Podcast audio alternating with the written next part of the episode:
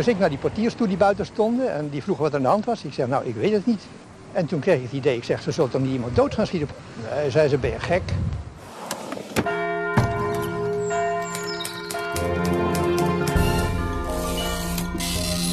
Je luistert naar het geheugen van Brabant. De podcast van het Brabants Historisch Informatiecentrum in Sertogenbos. Dwaal mee door onze archieven op zoek naar de mooiste verhalen van vroeger. Is je reisleider op onze speurtocht, Marilou Nillissen. Ha Anton, Dag Marilou. daar zijn we weer met een fonkelnieuwe aflevering. Maar eerst nog even terug naar de vorige, die over krotwoningen. Want daarop reageerde onder andere Helena. Lees jij hem even voor, Anton? Ja, eh, Helena liet ons weten dat ze het beeld van de krotten goed geschetst vond. Haar grootouders woonden zelf op een boerderij en verkochten melk in de stad. Ehm, en als tegenprestatie ja, moesten haar ooms de tonnen van de wc's leegscheppen. Ja, niet zo'n leuk karweitje voor mijn ooms, zegt ze. Nou, dat kan ik me voorstellen. Maar wel mooi dat de podcast deze herinneringen losmaakt. Dus dankjewel Helena. Ik ben trouwens benieuwd of dat ook gebeurt bij deze aflevering. Want in deze podcast gaan we 80 jaar terug in de tijd. Naar eind april, begin mei 1943. Toen vond de grootste staking uit de Nederlandse geschiedenis plaats. Het grootste protest in bezet Europa. De heldhaftigste dagen in de geschiedenis van ons volk, noemde historicus Lou de Jong deze april-mei-staking van 1943. En toch wordt daarover zelden gesproken, terwijl ze wel het keerpunt markeren van de Duitse bezetting. Hoogste tijd om stil te staan bij deze april-mei-staking van 1943. Wat hield die staking precies in? Nou, in 1943 stapelen de problemen zich op voor de Duitse bezetter, met onder andere een schrijnend tekort aan arbeidskrachten in het Duitse Rijk. Daarom kondigen de Duitse autoriteiten af dat de manschappen van het Nederlandse leger opnieuw in krijgsgevangenschap zullen worden genomen, om op die manier het tekort aan te vullen. Dit bevel raakt elke Nederlander. Honderdduizenden militairen en dienstplichtigen worden direct getroffen. In grote delen van het land komt men op allerlei manieren in actie. Vooral door te staken. In heel veel fabrieken en bedrijven wordt het werk neergelegd. De boeren staken hun melkleveranties aan de zuivelfabrieken. Ook in Brabant wordt massaal het werk neergelegd. De reactie van de bezetter laat aan duidelijkheid niets te wensen over. Er wordt direct gericht geschoten bij samenscholingen en behalve arrestaties zijn er ook executies. Voor Nederlandse begrippen heel veel executies in korte tijd.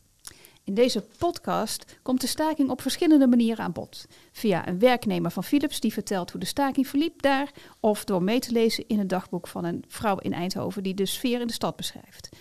Op het podium staat historicus Hans Morsinghoff en hij is betrokken bij de documentaire Staken op leven en dood en schreef samen met Erik Dijkstra het gelijknamige boek.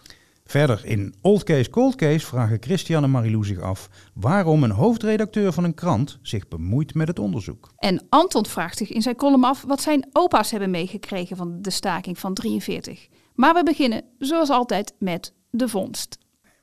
Vondst van de maand. Margot, jouw vondst gaat over de arrestatie van een 16-jarige jongen. Wat heeft dat met de stakingen te maken?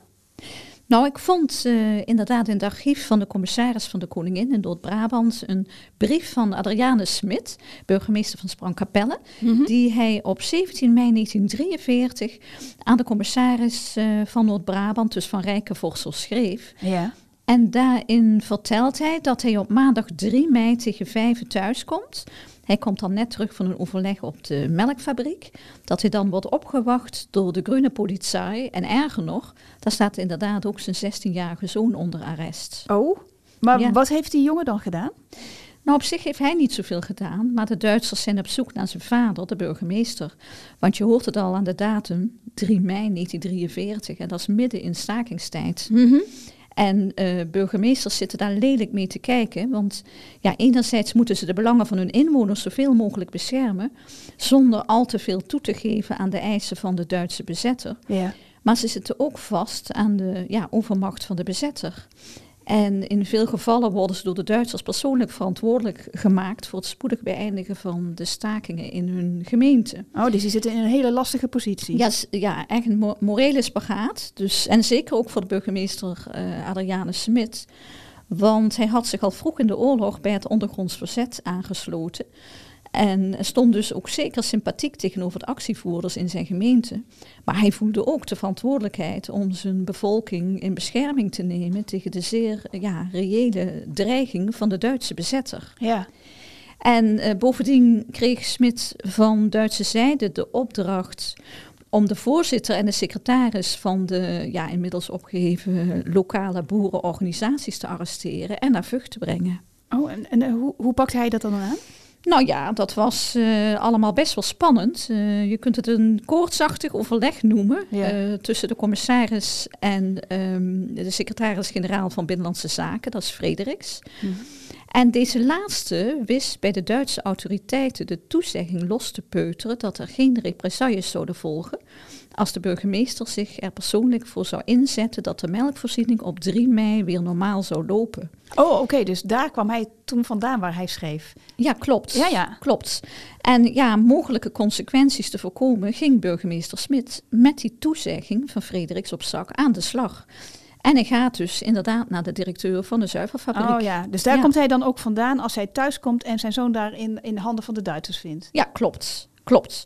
Nou, en um, kijk, de Duitse groene politie was op de fiets gearriveerd vanuit Waalwijk om Smit te spreken. Ja. Maar goed, die was er toen niet. Mm -hmm.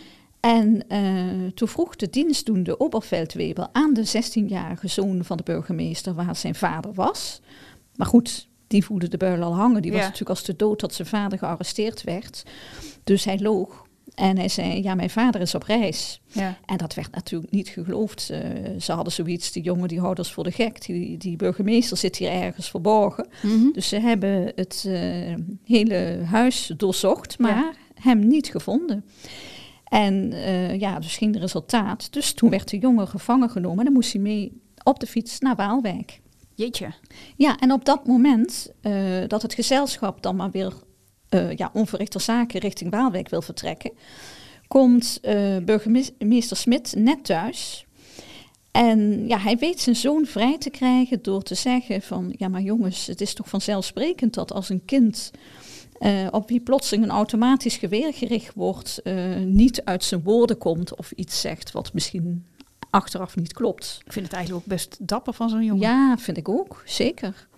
En nou ja, dan moet de Oberveldwebel hem inderdaad gelijk aan geven. En zo loopt, loopt dit hele incident uh, voor vader en zoon uh, met een sisser af. Zo. Maar het neemt niet weg dat uh, Smit wel aanvoelt dat de sfeer erg gespannen is. En ja, hij heeft zoiets, uh, ik moet gewoon wat gaan regelen, want anders lopen toch mis in uh, de gemeente. Ja. En wat hij dan doet, is hij laat een bekendmaking publiceren in zijn gemeente. Ja. En nou ja, daar staat onderhand, uh, onder andere in dat uh, ja, mensen zich rustig moeten houden, dat ze onmiddellijk aan het werk moeten gaan, uh, dat ze zich niet naar achter moeten ophouden op straat. En wat doen ze dat wel? Dan wordt er geschoten. Hmm. En dat, ja, dat heeft ook tot gevolg dat hij gevaar loopt, en niet alleen hij, maar ook met hem twintig gijzelaars die uh, gewoon uh, meegenomen worden, gearresteerd. Jeetje, wat moet zo'n uh, burgemeester ook een balans dan weten te vinden? Ja, ja, ik vind dat ook dus echt ongelooflijk. En dat was niet alleen voor hem, natuurlijk voor heel veel ja, Brabantse burgemeesters en ook trouwens in heel Nederland. Ja, ook los van burgemeester. Ja, ja. En Margot, werkt die bekendmaking? Gaan mensen weer aan het werk? Ja, dit had inderdaad succes. En daar komen we achter, omdat Smit op 5 mei een brief stuurt naar de commissaris. En daarin deelt hij mede dat, uh, ja, dat het op zich wel een gespannen sfeer was in zijn gemeente. Maar dat de bekendmaking van 4 mei wel succes heeft gehad. Uh, dat mensen zich echt rustig gingen houden ter wille van zijn persoonlijke situatie. En daarmee was in Sprangkapelle, net als in de meeste gemeenten in ons land trouwens, de rust weergekeerd, wedergekeerd. Zonder dat er verder nog represailles werden genomen van de Duitse zijde. Oh, nou daar hebben ze wel geluk, want op andere plaatsen grijpt de politie daar soms keihard in, hè, de, ja. de Duitsers. Hey, en hoe, hoe, loopt het verder uh, af uh, met de burgemeester en zijn zoon? Weten we dat? Uh, ja, daar komen we ook achter. Een jaar later, in april 1944, werd Smit ontslagen als burgemeester. En kort daarop dook hij onder met zijn gezin, waarna zijn woning ook in brand werd gestoken. Zo. Maar we weten wel dat hij tot 1959 opnieuw burgemeester is geworden van Sprangkapelle. Ah, Oké, okay. uh, dus na dus, de oorlog kon hij zijn functie weer oppakken? Ja, na de oorlog is hij gewoon weer doorgegaan. Wat er toch achtereen zo'n brief uh, voor een bijzonder verhaal schuil gaat, Margot. Ja, mooi hè? Ja, bedankt weer voor je vondst. Graag gedaan. Brabant in beelden. In het voorjaar van 1943 vond een staking plaats waaraan ook personeel van de Philips-fabrieken deelnam. Dit kostte het leven aan vijf werknemers die willekeurig waren opgepakt. De fusillade vond plaats om kwart over zes op deze zwarte maandag de 3 mei. De heer Smit was rond deze tijd in de nabijheid. En s'avonds om zes uur was het, werd verteld dat de poort weer open was. Dus ik ging toen naar de glaspoort en kom daar aan en toen ontdekte dat ik mijn legitimatiekaart niet bij me had. En die werd toen gecontroleerd bij het uitgaan en bij het ingaan van de poort. Dus ik moest weer terug naar SBP, hè, wat een flink stuk is. Moest vier trappen omhoog. Heb daar mijn kaart gehaald. Kom weer naar buiten. En ik loop hier bij gebouw SK ongeveer. Tussen SK en San. En toen komt een kolonne Duitse auto's met voorop een paar officierswagens. Die komt de glaspoort binnenrijden. En die stoppen vlak voor mijn neus. Mathilde, waar luisterden we nu naar? Het is een geluidsfragment uit een documentaire. Uh, die is gemaakt begin jaren 90 door Harry Grijze en Jan van Est. En die meneer Grijze die maakte in die tijd wel meer documentaires, vooral in Eindhoven. En wat hij hier doet, is allerlei plekken opzoeken die belangrijk waren in de Tweede Wereldoorlog in Eindhoven. Oké. Uh, en daarbij vertelt hij dat je eigenlijk niks meer ziet van die oorlog nu. Maar dat de herinneringen daaraan bij de mensen die er nog wonen vaak uh, nog springlevend is. Dus hij zoekt ook ooggetuigen en nabestaanden van uh, ja, eigenlijk dramatische gebeurtenissen in de Tweede Wereldoorlog in Eindhoven op. Oké. Okay. Voorin twee auto's, één of twee auto's met officieren. Toen twee auto's met manschappen, waarbij een paar burgers waren. Maar ik had helemaal niks in de gaten, dus ik bleef gewoon staan kijken. En die soldaten stappen uit en die officieren stappen uit. Tot er op een bepaald moment een van die officieren naar me toe kwam. En die begon tegen me te schelden dat ik op moest rotten. Het is duidelijk dat het een, uh, een oud werknemer is. Hè? Want je hoort in feite hoe hij in gedachten teruggaat naar dat terrein. Want je hoort allerlei afkortingen die mij niks zeggen. Maar nou, de glaspoort, dat kan me nog wel voorstellen dat dat bij veel mensen bekend voorkomt. Ja, het zijn eigenlijk een soort vaktermen die hij uh, gebruikt. Ja, ons zegt dat natuurlijk niet zoveel. Uh, terwijl als je daar iedere dag op dat terrein verbleef, ja, dan is het logisch dat je in dat soort termen praat. Maar dan zeg je inderdaad mooi dat het net is alsof hij ja, echt teruggaat naar die tijd. En opnieuw zijn route aflegt, zoals hij dat ook heeft gedaan op die, die meidag die 1943. En ik ging toen deze kant op en toen was hier nog, op deze hoek hier zo, was het, stond een Duits soldaat op wacht. En toen zou er niemand van deze kant die kant op kon komen. Ik ging toen richting Glaspoort en toen was ergens aan de linkerkant, daar ongeveer, was een hokje met filesportiers. Want die zaten toen niet in de portiersloge, daar zat toen de werkschuit. Dus ik naar die portiers toe die buiten stonden en die vroegen wat er aan de hand was. Ik zeg, nou, ik weet het niet. Nou, en uh, even gepraat. En toen kreeg ik het idee, ik zeg, ze zullen toch niet iemand dood gaan schieten, een paar man dood gaan schieten? Nee, zei ze, ben je gek? Ik zeg, nou, ik weet het niet. De documentaire is uit de jaren 90, zei je, dus zo'n ja, ongeveer 50 jaar na dato. Mm -hmm. En toch lijkt het alsof deze meneer het als het ware opnieuw herbeleeft. Hè? Je hoort de verbijstering eh, in zijn stem wat er allemaal gebeurt. Ja, het lijkt ook wel alsof hij zich ja, echt teruggaat naar die tijd. Mm -hmm. En zich achteraf pas realiseerde wat er allemaal is gebeurd op die dag. En dat hij daar eigenlijk zichzelf druk maakte om een identiteitskaart die vergeten was. Uh, en in die zin natuurlijk niet kon weten wat er daadwerkelijk aan de hand uh, was. Uh, het is ook wel mooi zo'n ooggetuigenverslag. Um, iemand gaat echt terug in de, in de tijd en, en, vertelt weer hoe dat voor hem vroeger was. Maar er zijn wel 50 jaar overheen gegaan. Mm -hmm. uh, en wat ik niet weet is of deze meneer dit ooggetuigenverslag in die tijd al heel vaak heeft gedaan aan mensen. en dat is iets wat iets doet hè, met hoe je, hoe je je iets herinnert en hoe ja. je daarover vertelt.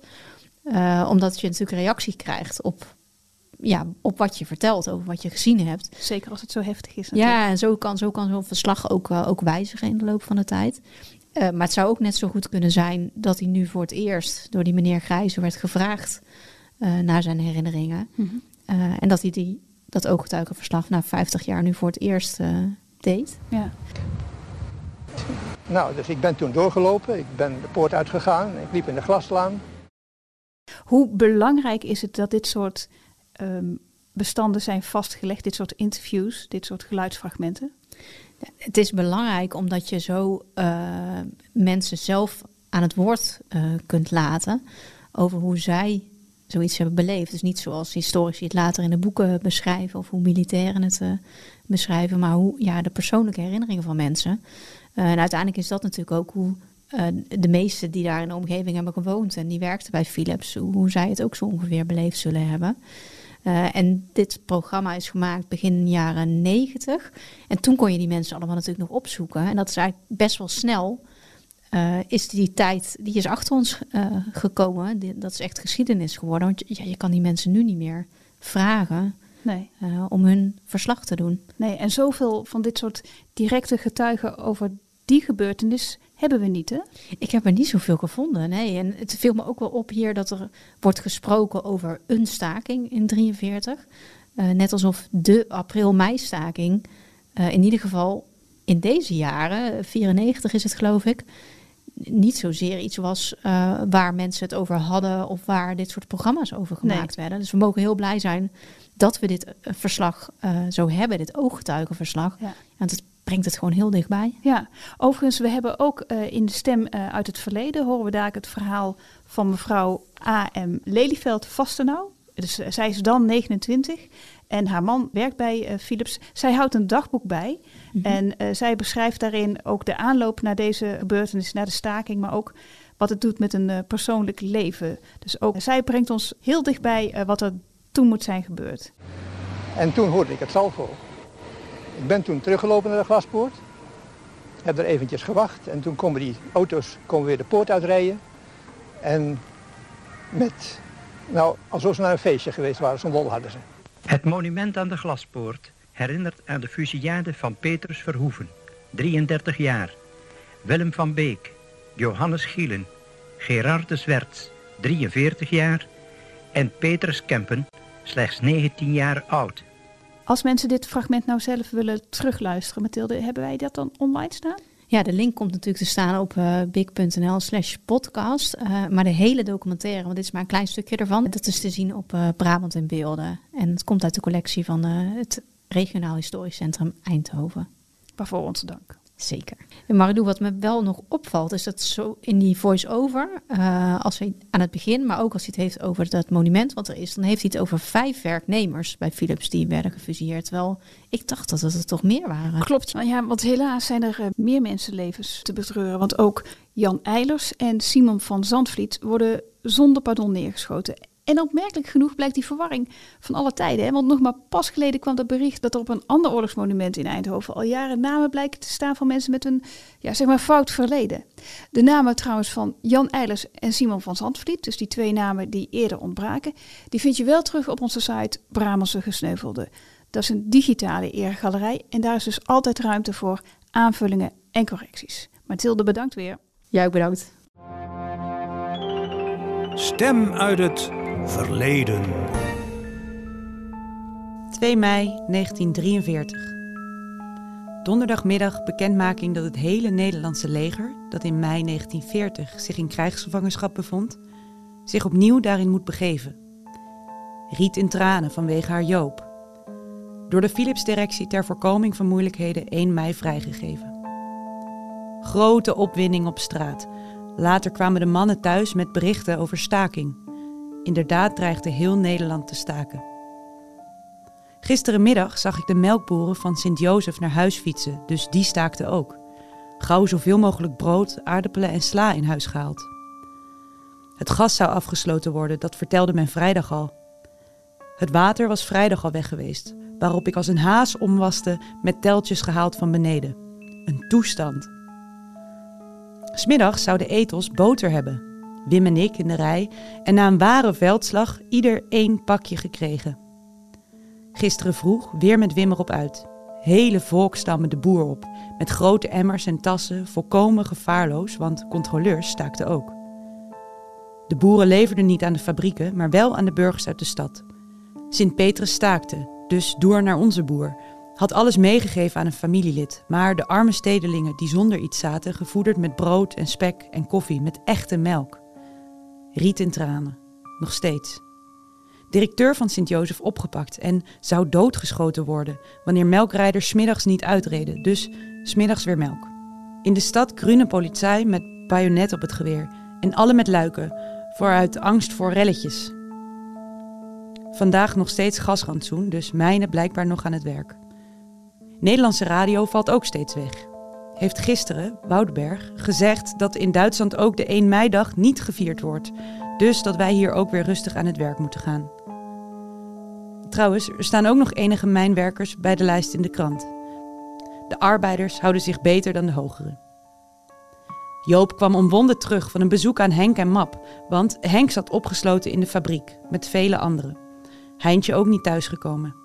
Jan kwamen we tegen, die vertelde dat Emma Singel, toen hij er liep, aan twee kanten afgesloten werd door groene politie. En dat allerlei mensen, ook vrouwen en kinderen, als schoppend slaande in overvalwagens werden geduwd. Hij zelf kwam er met een smoesje doorheen.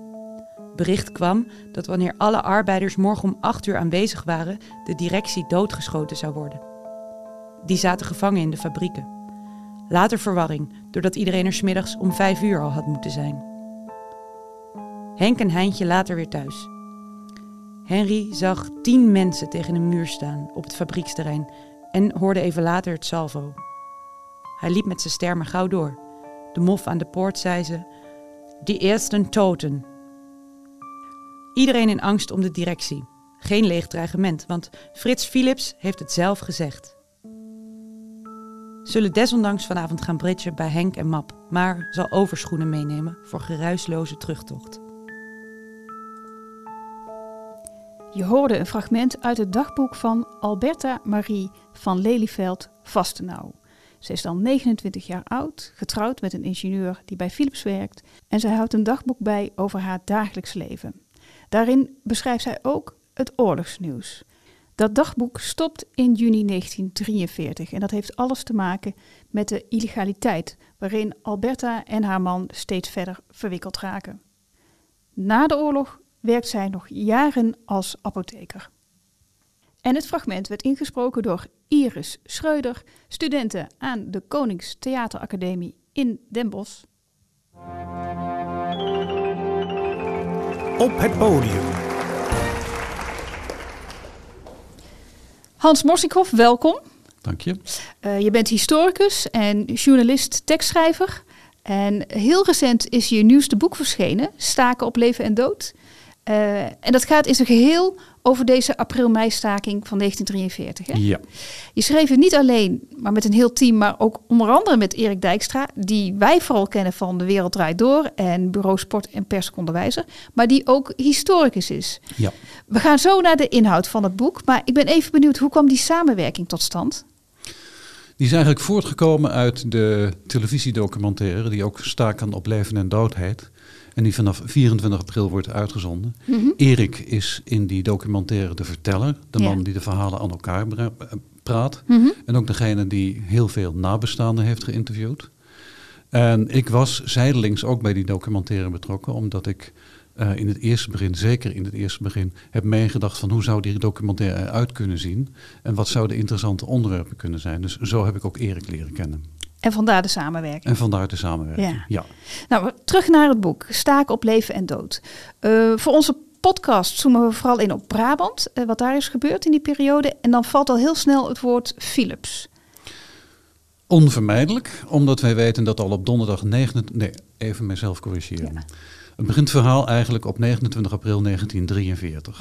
Dan omstreeks het middaguur brengt generaal Christiansen, dat is de opperbevelhebber van de Duitse strijdkrachten in Nederland, het bevel uit dat alle pakweg 300.000 oud-militairen van het Nederlandse leger zich opnieuw moeten melden voor krijgsgevangenschap.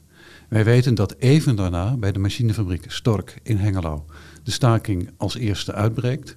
Maar we weten ook dat smiddags al, nog steeds ook diezelfde middag, donderdagmiddag 29 april, en mogelijk, het is niet uit te sluiten, vanwege een telefoontje vanuit Stork in Hengelo, ook bij Philips het be- behoorlijk begint te rommelen. Oké. Die eerste dag, die 29 april, is het dan nog vooral een sit-down staking. Dat is een donderdag. De vrijdagochtend, 30 april, gaan ze bij Philips nog wel gewoon aan de slag. Maar smiddags, en dat staat altijd heel mooi, na de loonbetaling is het ineens gebeurd en loopt iedereen weg.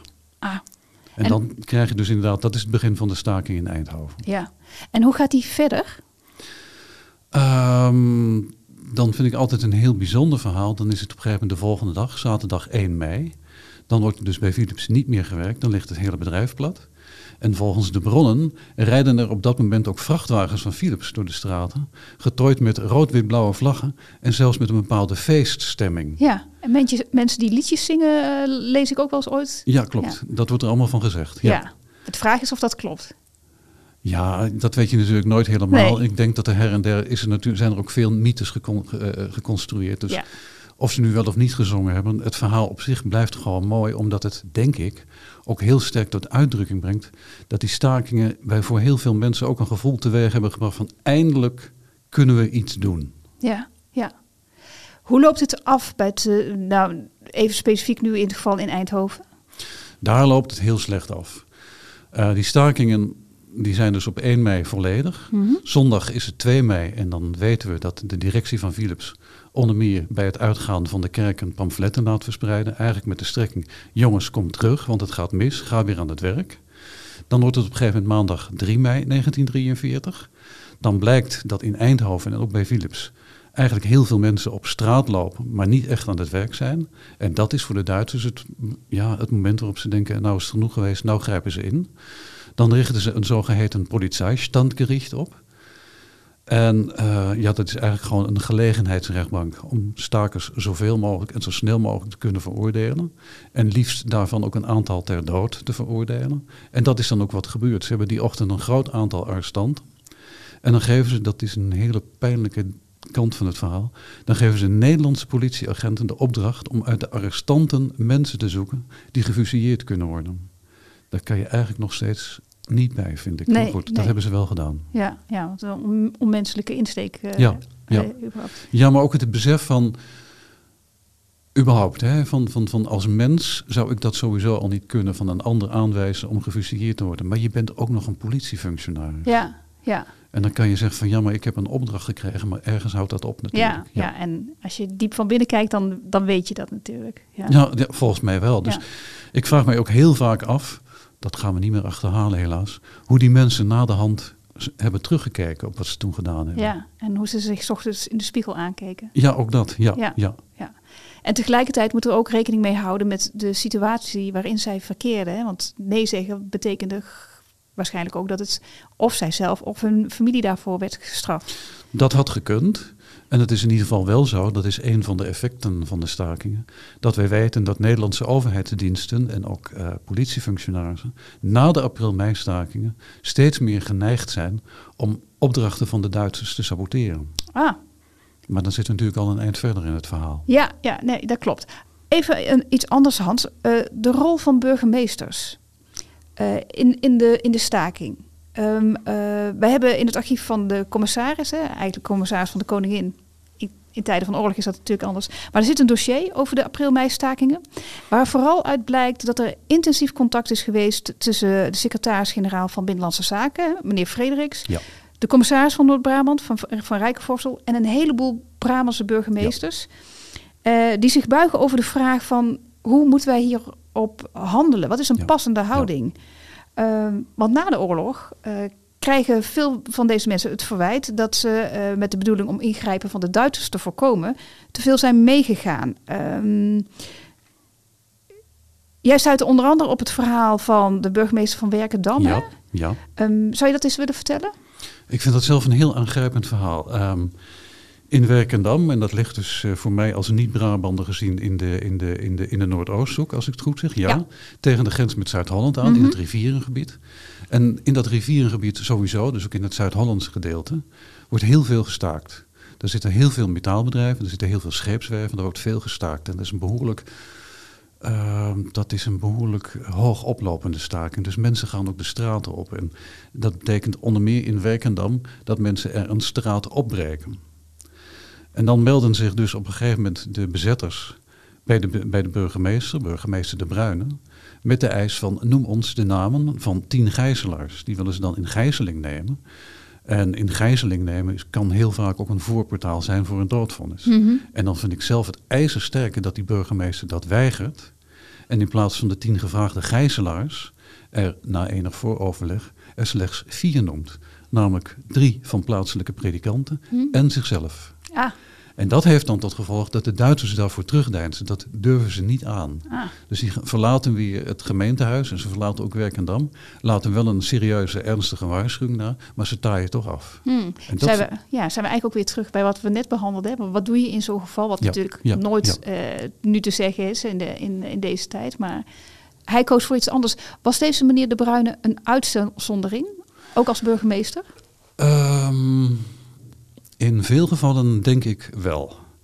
Het, is, het beeld is heel wisselend. Eh, dat heeft natuurlijk ook mee te maken. Je had al in een groot aantal gemeenten NSB-burgemeesters, die er toch al wat anders in stonden. Mhm. En je had ook een heleboel burgemeesters die, ehm, ja, die je zou kunnen zeggen van, van, van laten we zeggen, eh, goed tussen aanhalingstekens waren. Of in ieder geval niet, niet blijk gaven van, van sympathie voor de Duitsers of voor het nationaal socialisme. Maar die desondanks toch ja, beslissingen hebben genomen of gezocht hebben naar vormen van samenwerking met de Duitsers om de staking maar zo snel mogelijk te bezweren. Mhm. En dat hebben ze dan niet gedaan in veel gevallen omdat ze vonden dat er niet gestaakt mocht worden. Dat hebben ze vooral gedaan omdat ze zich bewust waren van wat de gevolgen zouden kunnen zijn. En, dus, dus, en, en daarom was het er veel aan gelegen om de openbare rust en orde te bewaren. We hebben het nu telkens over eh, staking. Is dat in jouw ogen het juiste begrip?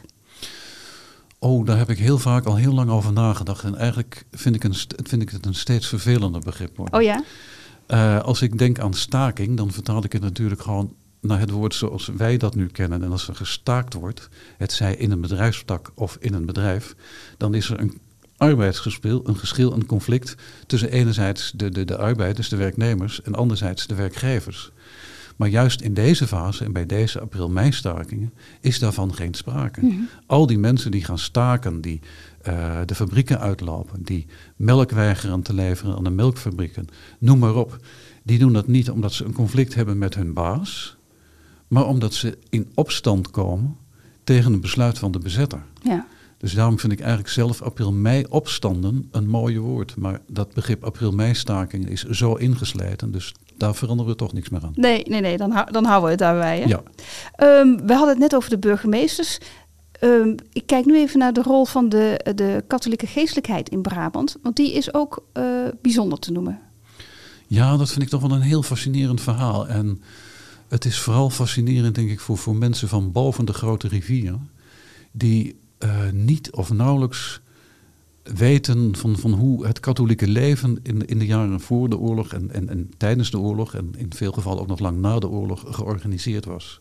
Ik heb daar zelf in zoverre het nodige van meegekregen, omdat ik in Twente, uit Twente afkomstig ben. En wel uit het katholieke deel van Twente. Daarbij ben ik zelf ook nog katholiek, dus die aanklank die is er ook. Maar met name al het leven, bijna al het sociale leven in Brabant was georganiseerd langs de lijnen van de katholieke kerk. Of het nu de, de, de, de, de, boeren en tuinders waren, of, of het, het tuinbouwonderwijs, of überhaupt het onderwijs, alles was katholiek. Dan zie je op een gegeven moment dat de bezetter, en dat is meestal in de periode rond 1941, midden 1941, een heleboel van die organisaties naar zich toetrekt en onder nationaal-socialistische leiding stelt. Dat noemen we dan gelijkschakeling. En dat is er eigenlijk op gericht dat de bezetter dan via die organisaties die hij zich toe-eigent, het nationaal socialisme wil verspreiden. In de hoop dat hij het Nederlandse volk voor het nationaal socialisme zal winnen. Die maatregel heeft wel tot gevolg dat eigenlijk alle geestelijken en alle bestuurders die met geestelijken verbonden zijn, buiten die organisaties komen te staan. Maar daarmee zijn ze niet weg. Dan ontstaan vaak de ondergrondse netwerken, buiten het oog van de Duitsers om, Ja. waar inderdaad het geregelde leven zoveel mogelijk doorgaat en die katholieke, katholieke inbreng heel erg groot blijft. Ja. Dus de katholieke kerk in Brabant is dan ook zeker wel een bron geweest van verzet. Niet dat, ehm, nu meteen iedere geestelijke ook zelf in verzet was, maar ze kweekten wel de geest van verzet. En dat was natuurlijk iets wat het Nederlands episcopaat, de Nederlandse bisschoppen ook deden, die voortdurend tijdens de oorlog diverse malen in herderlijke brieven, die in de kerken werden voorgelezen, heel nadrukkelijk afstand namen van het beleid van de Duitsers en heel nadrukkelijk afstand namen ook van het nationaal socialisme en bijvoorbeeld ook van de jodenvervolging. Ja, ja. En in het geval van de staking, dan zijn ze, als ze niet zozeer uh, als actief te benoemen, maar ze dragen het duidelijk een warm hart toe. Kan ik het zo vertalen? Ja, want wat wij weten op dit moment is dat als het platteland van Brabant in staking gaat, en dat is doorgaans iets later dan de industriegebieden, dat er ook wordt gezegd van dat daar is overleg aan vooraf gegaan. En daar is in veel gevallen zijn daar geestelijke of met geestelijke instanties verbonden personen bij betrokken geweest. Ja, ja. Waarom heeft die april-mei-staking niet de bekendheid die bijvoorbeeld de februari-staking wel heeft? Wij zien heel erg dat niemand het eigenaarschap van die april-mei-stakingen claimt. Want op dat moment, direct na de oorlog, gelden ze nog vooral als mislukt. Wat is er dan gebeurd? Er zijn heel veel mensen in staking gegaan. Waarschijnlijk een omstreeks 500.000, al zullen de exacte aantallen nooit weten. En wat heeft dat tot gevolg gehad? Uh, nou, geen aanwijsbaar gevolg, geen direct aanwijsbaar gevolg. Alleen is er wel een, een week lang van, van vreselijke terreur over Nederland gegaan. Je moet je voorstellen dat je in vier, vijf dagen tijd vallen er bijna 200 doden. Dat is voor Nederlandse begrippen heel veel. Uh, dus niemand heeft de behoefte om om welke reden dan ook het eigenaarschap van zich te claimen. Terwijl buiten het gras wordt gemaaid en we af en toe wat gezoem op de achtergrond horen.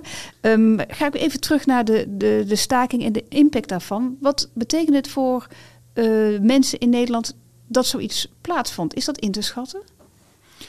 Ja, dat is wel in te schatten. En dat is um, steeds meer, en, en nu tamelijk algemeen, worden de april-mei-stakingen gezien als een omslagmoment.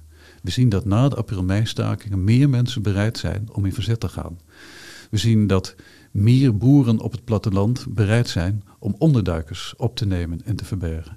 En we zien dat meer overheidsdiensten en ook de politie uh, genegen zijn om Duitse bevelen te gaan saboteren. Dus het is echt een omslagpunt geweest. Ja. Dus dat is ook echt het effect op een lange termijn. Dat is het effect op een langere termijn. Ja, ja. ja dat maakt het wel heel uh, bijzonder. Denk je dat het ook uh, vanaf nu, hè, het is weliswaar 80 jaar later, maar dat het nu een plek krijgt in onze geschiedenisboeken? Um, ik ben daar uiteraard een warm voorstander van. Uh -huh. Of het lukt, weet ik niet. Wat ik vooral hoop dat het uh, alle publiciteit van nu mag leiden tot, tot, tot, ja, tot, tot, tot vervolgonderzoek. Ja. Ga jij je zelf daar ook mee bezighouden? Ik heb mij voorgenomen, als het mij is, dan mag ik eerst een paar weken niet aan de staking denken. en dan, dan wil ik even wat, wat rust innemen en dan ga ik zeker nadenken over de vraag van, van hoe ga ik verder. Als het vervolgen komt, wil ik u graag weer spreken. Hartelijk dank voor je komst en voor alle informatie. En uh, voor mensen die meer willen weten, kunnen nu al kijken naar de documentaire en lees vooral het boek. En dan zou ik dan ook nog willen, aan willen toevoegen een soort van oproep. Als nu er nog mensen zijn met verhalen over de april-mei-stakingen. Of zoals we ook vaak zeggen, misschien nog een dagboek van opa of een notitieblokje van opa. Als die er zijn, alsjeblieft, meld je. Want ja. we hebben nog veel meer informatie nodig. Ik sluit me er helemaal aan. Stuur het naar info.bhic.nl en wij zorgen dat het bij Hans terechtkomt. Dankjewel. Graag gedaan. Old case. Cold case. Het is woensdag 22 augustus 1900 als Marietje Kessels een brief gaat posten, vlakbij haar huis in Tilburg. Twee dagen later wordt het elfjarig meisje gevonden in de nabijgelegen kerk, verkracht en vermoord. Ondanks verschillende verdachten en na een lang strafproces wordt er nooit een dader veroordeeld. Samen met mijn collega Christian duik ik in de archieven op zoek naar de feiten en die vormen onze leidraad. In de vorige aflevering heb je gehoord hoe August Mutsaars, hoofdverdachte in deze moordzaak, uiteindelijk wordt vrijgesproken en hoe kranten daar uitgebreid verslag van doen. Maar de rol van de journalistiek beperkt zich niet puur tot verslaglegging. Ze beïnvloeden de publieke opinie, net als nu. Maar hoe onafhankelijk was de krant toen eigenlijk? Dus hoogste tijd om de rol van de media in de zaak Marietje Kessels eens tegen het licht te houden. En Chris, ik beloofde het vorige keer al. We beginnen met deze brief, even bijpakken, ja. die ik in het dossier van Pels Rijken vond. Op briefpapier van de redactie van de Nieuwe Tilburgse Courant en het Tilburgse Dagblad. Lees jij hem? Ja, dus eh, goed. Jij voelt je wel lekker thuis nou, zo als eh, oud-journalist tussen de kranten, geloof ik. Zeker. Ja, nou, ik vind het ook wel fijn hoor, dat ik dan een keer eh, gewoon de vragen kan stellen en jij dadelijk de antwoorden mag geven. Mhm. Maar ik zal beginnen met deze brief. Er staat overigens hier bovenaan wel een, een dikke vette streep door Nieuwe Tilburgse Courant. Dus of hij echt van de krant is, dat is te betwijfelen. Er staat een streep, maar dik en vet is hij niet. Maar goed, lees de brief maar eens voor. Oké. Er staat, wel edelgeboren heer. Voor mijn vertrek naar Schravenhagen te iets onleesbaars zend ik u de volgende inlichtingen. Mevrouw Bijnen heeft aanvankelijk hoogst bezwarende zaken verklaard voor een commissaris van politie te Tilburg. Zo pertinent dat de schuld van de dader der afschuwelijke misdaad ontwijfelbaar vaststaat. Thans echter heeft men, ook na verluid leden der rechterlijke macht, heeft hij zelfs nog onderstreept, Mhm. die vrouw zo ver als vroeger jongbloeds. Oh, ja, Jongbloed, dus, dus de oude postbode die, die zijn verklaring over wat hij heeft gezien in de kerk weer intrekt. Hè? Ja, weer intrekt nadat de pastoor hem heeft gesproken. Dat klopt, dat is wel een belangrijke toevoeging. En dat staat nu dus ook met deze vrouw Bijnen te gebeuren. Ja, blijkbaar. En dat is die vrouw die nou ja, nogal regelmatig opduikt in onze archieven. Herinner jij je nog een van die kleine briefjes? Daar schreef zij, ik weet alles. Ja, op. ja, ja. Ja, nou, dat bleek een beetje overdreven. eh, maar haar verklaringen die wisselden dan ook nog alles. Klopt, en arts die denkt dat daar een reden voor is. Want hij schrijft, lees maar eens Chris. Oh ja. Eh, zij is angstig geworden. Wilt u naar Tilburg komen en haar spreken en geruststellen? Men schijnt haar zelfs met gevangenis gedreigd te hebben. En ook de commissaris horen. Dan, ik ben er zeker van, zult u zeer belangrijke vreemde zaken vernemen. Verzoeken geheimhouding, uw dienaar, denk ik dat er staat, arts. En hieronder staat nog, in grote haast. Ik kom woensdag te Sertogenbos. Ja, maar goed, even voor de duidelijkheid. Deze brief, geschreven door Anton Arts. En hij is hoofdredacteur van twee Tilburgse kranten. Allereerst het Tilburgs Dagblad en later ook de Nieuwe Tilburgse Courant. En hij schrijft aan de advocaat van de hoofdverdachte in de moordzaak... wie die nog eens moet ondervragen om zeer belangrijke vreemde zaken te weten te komen. Dan denk je toch, eh, dus die hoofdredacteur weet meer en hoe dan? En, en die PS, hè, dat die woensdag in Den Bosch is... Betekent dat dan ook dat ze elkaar weer gaan spreken? Ja, dat staat er niet met zoveel woorden, maar je kunt er daar wel een beetje uit afleiden. Hè? In ieder geval, eh, ze moeten elkaar wel goed kennen, want je merkt eigenlijk uit die hele brief, hè, daar spreekt wel een meer dan vertrouwelijke band eh, uit. Ja, dat wel, ja. En die Anton Arts, die is trouwens, dat is een grote naam in Tilburg. Hè? Iedereen die kent hem. Dus de man achter het kraantje, hoe is jouw Tilburg? Ja, het kraantje. Oké. Een beetje snerpend zeggen. Oké, omdat zijn krant op een, op een klein formaat wordt gedrukt. Ja, dus een bijzondere man. Zeker. En eh, als Marietje wordt vermoord, dan is hij 55 jaar en dan heeft hij al een heel leven achter zich. Hij is al uh, zouaaf geweest, hè? dus vrijwillig soldaat in het leger van de paus. Hij is een eigen drukkerij begonnen en dus een eigen krant. Of ja, twee zelfs dus. Ja, dus hij is niet alleen een echte Tilburgse media tycoon, maar hij is ook een overtuigd katholiek. Want vechten voor de paus, dat doe je niet zomaar. Nee, dat klopt. En opvallend is dat ondanks die katholieke insteek arts ook zeker oog heeft voor uh, sociale toestanden. Hij kiest gewoon de kant van de arbeider. Zie je terug in heel kleine dingen. Bijvoorbeeld omdat hij wil dat iedereen zijn krant, uh, zijn krant kan kopen, houdt hij die prijs zo laag mogelijk. Dus 1 cent per nummer. Nou, en voor andere meeste regionale kranten betaal je dan al 5 of soms 10 cent. Ja, dus een echte katholiek met een sociaal hart. Nou, daar lijkt het wel op. Die arts zit overigens ook nog jaren in de gemeenteraad van Tilburg en later in de jaren 20 ook nog even in de Tweede Kamer. Ja, en dan bemoeit hij zich dus ook nog eens met de zaak van Marietje Kessels. Hij sluit trouwens wel af hier met verzoeken geheimhouding. Hè? Dus dat zo'n brief niet zomaar op straat komt te liggen. Terwijl je toch eigenlijk denkt dat dat precies is wat zo'n journalist wel wil. Ja. Ik bedoel, hij heeft wel een ontzettend goed verhaal natuurlijk. Ja, zou je denken. Dat is echt heel bijzonder, want hij begeeft zich hiermee ook nog eens op glad ijs. Nou is die arts al behoorlijk eigenzinnig hoor, want eerder had de Tilburgse geestelijkheid er al op aangedrongen dat hij zou stoppen met die nieuwe Tilburgse courant, want die zagen ze als overbodige concurrentie voor Tilburgs Dagblad, die er al was. Luisterde hij niet naar, maar hij schreef wel gewillig over de kerk.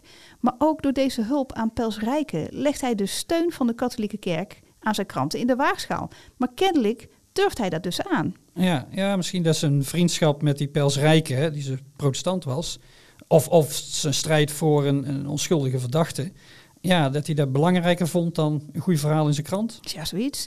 Maar hoe dan ook, hè, als je de kerk niet tegen je in het harnas wilde jagen, moest je als journalist toch voorzichtig zijn met wat je opschreef. Ja, dus je kon niet zomaar alles opschrijven waar je vond of ontdekte. Oh nee, zeker niet. Want even voor de context.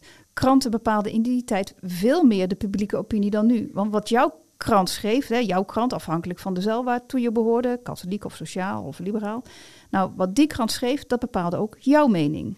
Ja, hey, en weet je, van bijvoorbeeld sportverenigingen, voetbalclubs en zo, daar weet ik van, die hadden vaak een geestelijk adviseur. Hè? Dus zeg maar iemand die vanuit de kerk een oogje in het zeil hield. Hè? Of de bal wel binnen de katholieke lijnen allemaal uh, bleef. en vooral spelers uh, natuurlijk en Mhm. bestuur en zo.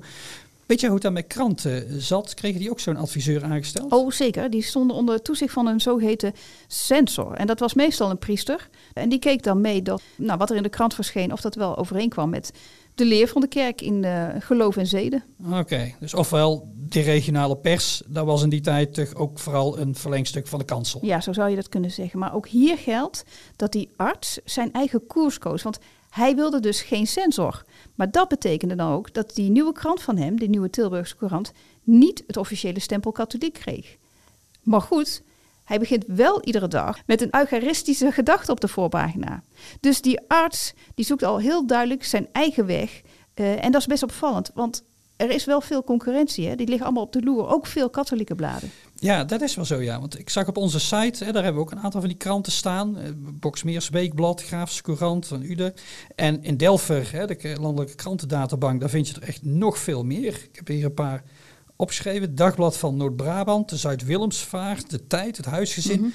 Allemaal Brabantse kranten en bijna allemaal katholiek. Ja, want tussen, tussen stromingen als het liberalisme en het socialisme door, moest die kerk natuurlijk wel zorgen voor een sterk platform om die eigen ideeën te ventileren. Ja, de actieve ventileren, dat past ook wel een beetje bij de katholieke kerk in die tijd. Hè? Want die was volop aan het emanciperen.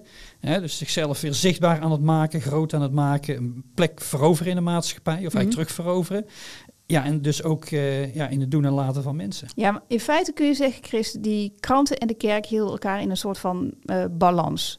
Ehm, nou, bijvoorbeeld dat huisgezin dat jij net aanhaalde, dat werd dus in de volksmond de pastoorskrant genoemd. Omdat alle kerkberichten erin stonden en de pastoors ook hun parochianen aanspoorden om er een abonnement op te nemen.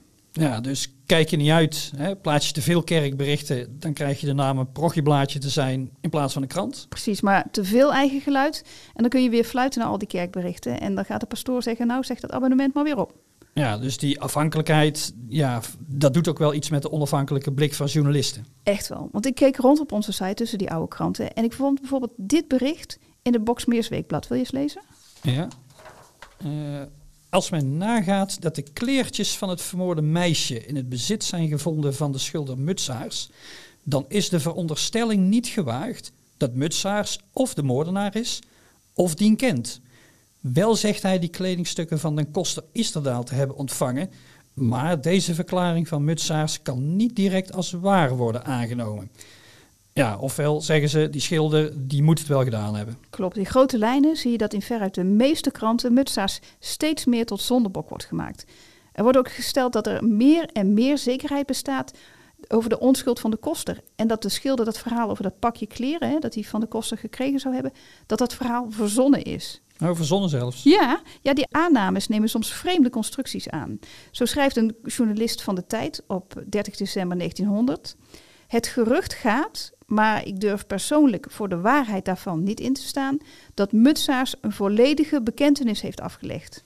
Ja, dus met al die uh, wordt zo'n krant een beetje een uh, nou ja, soort uh, juice-kanaal, zouden wij tegenwoordig ja, zeker. zeggen.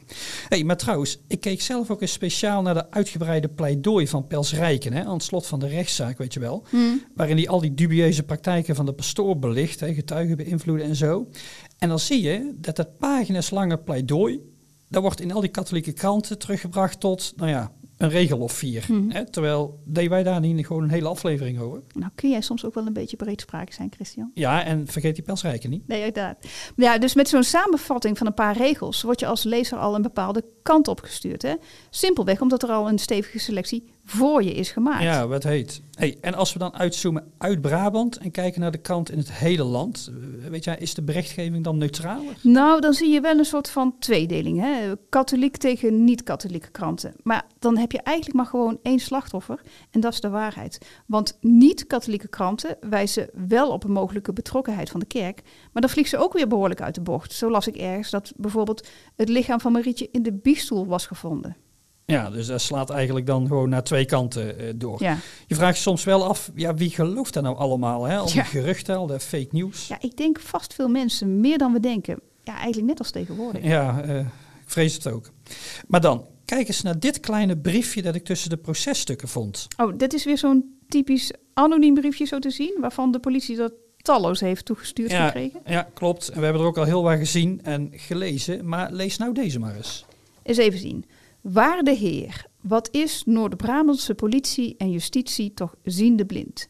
De schilder weet ervan, maar is zelf zo onschuldig als een lam. Ja, dat is niet zomaar gekozen, dat woord. Nee, schilder als eh, een bijbels offerlam of zo. Dat denk ik. Ja. Eh, niemand anders heeft de afschuwelijke moord begaan dan de pastoor der kerk. Hij in zijn dierlijkheid, wellicht weet de koster ervan. Meerdere vrouwspersonen te Tilburg hebben kennis gemaakt met de mannelijkheid van Heroom. Nou, lekker dan. Hmm, ja. Maar kijk eens wat eronder staat tussen haakjes.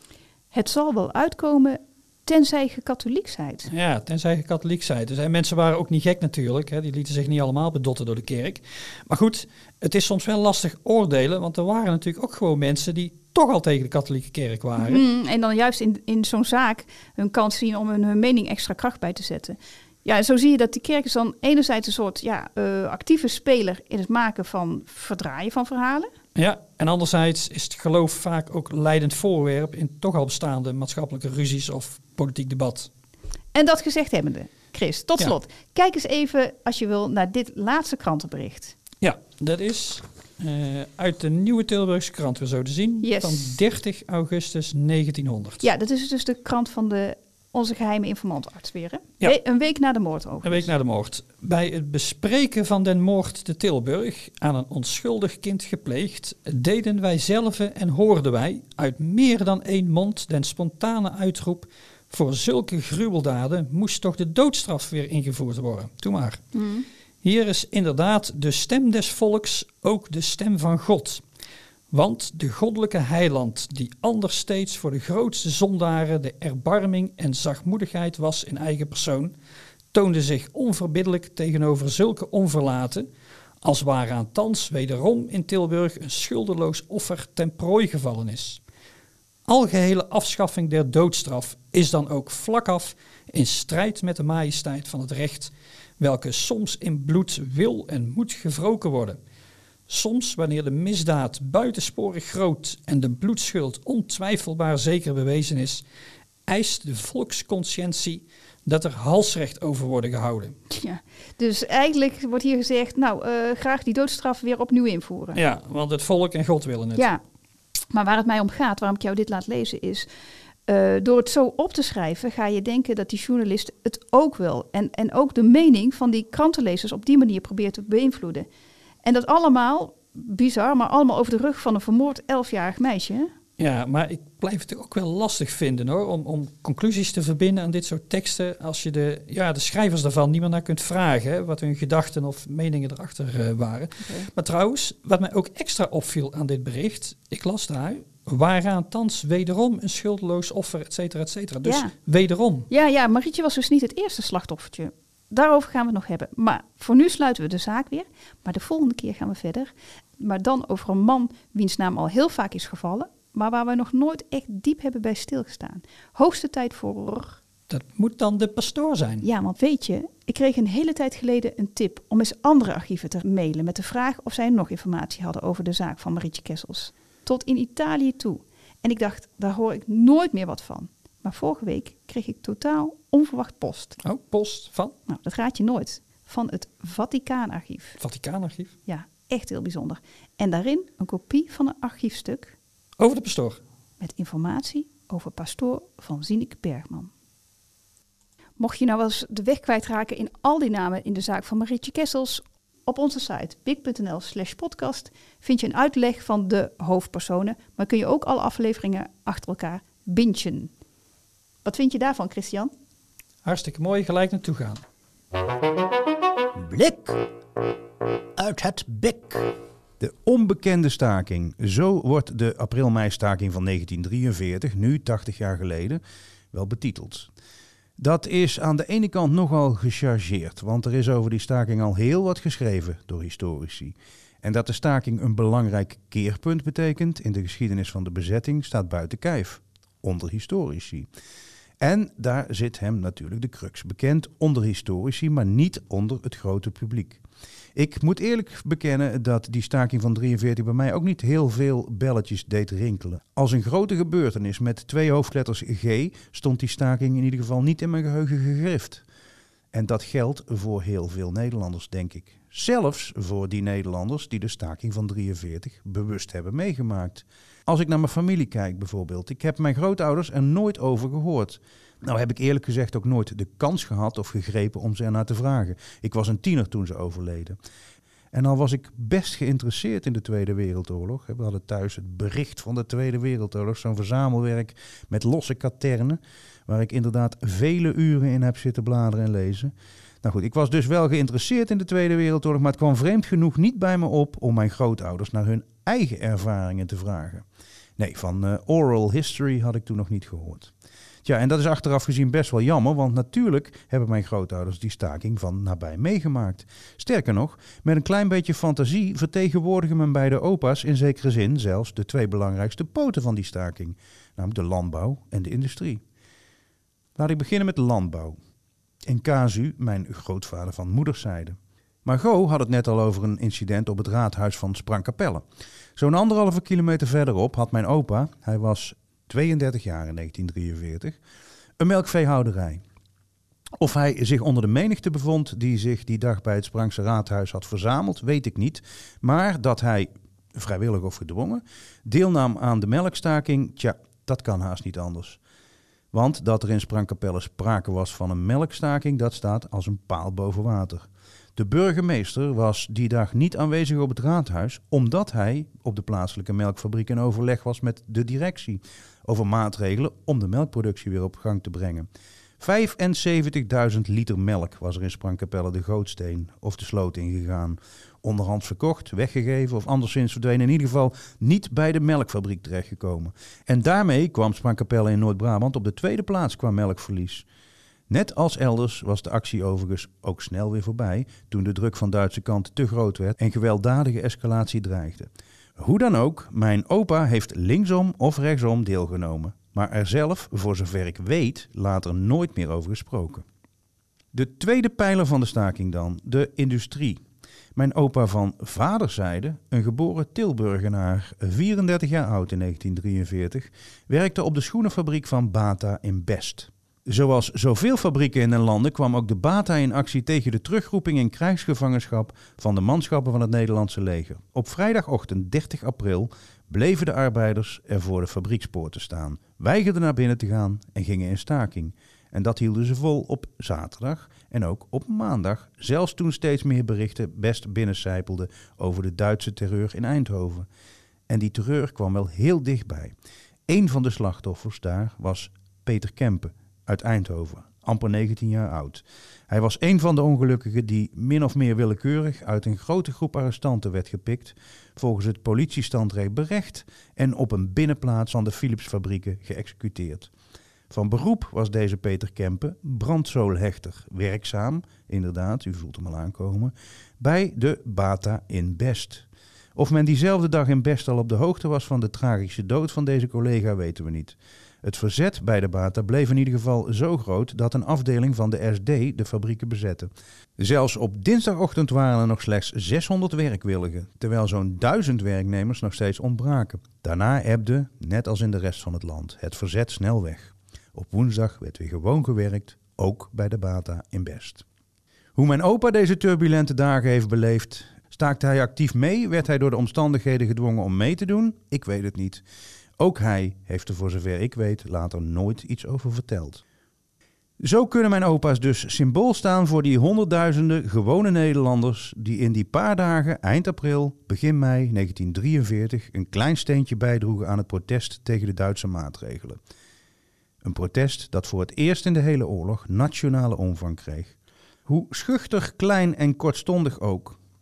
Daarmee was de staking in veel opzichten een keerpunt in de geschiedenis van de bezetting de bezetter kon niet anders dan constateren dat vreedzame assimilatie van Nederland in het grotere Duitse Rijk een illusie was.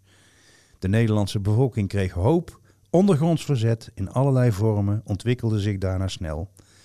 Alle reden dus om 80 jaar later ruim aandacht te besteden aan deze bijna vergeten staking. Nou, dat was hij weer. Inderdaad zeg, ik vond het eh, heel interessant deze keer. Ik heb er veel van geleerd, moet ik zeggen. Absoluut, en anders ik wel. En Anton, volgens mij ben jij er behoorlijk mee bezig geweest en heeft dat ook nog eens, naast deze podcast, heel wat mooie verhalen opgeleverd. Eh, klopt, ja. Die staan intussen, als het goed is, op onze verhalentrommel op onze website. Mooi, aanraders dus. Vond je deze podcast leuk? Nou, abonneer je dan, want dan mis je geen enkele aflevering meer. En bovendien zouden wij het leuk vinden als je een review zou schrijven of punten eraan zou willen geven, want dan kunnen ook andere mensen onze podcast beter vinden. En dat zouden we echt zeer waarderen, want er staat iets heel leuks op stapel. We gaan op reis. Eh, oh, moet, moet ik mijn koffers gaan pakken? Dat hoeft niet per se, maar we gaan op reis 500 jaar terug in de tijd met als reisleider Wim Daniels.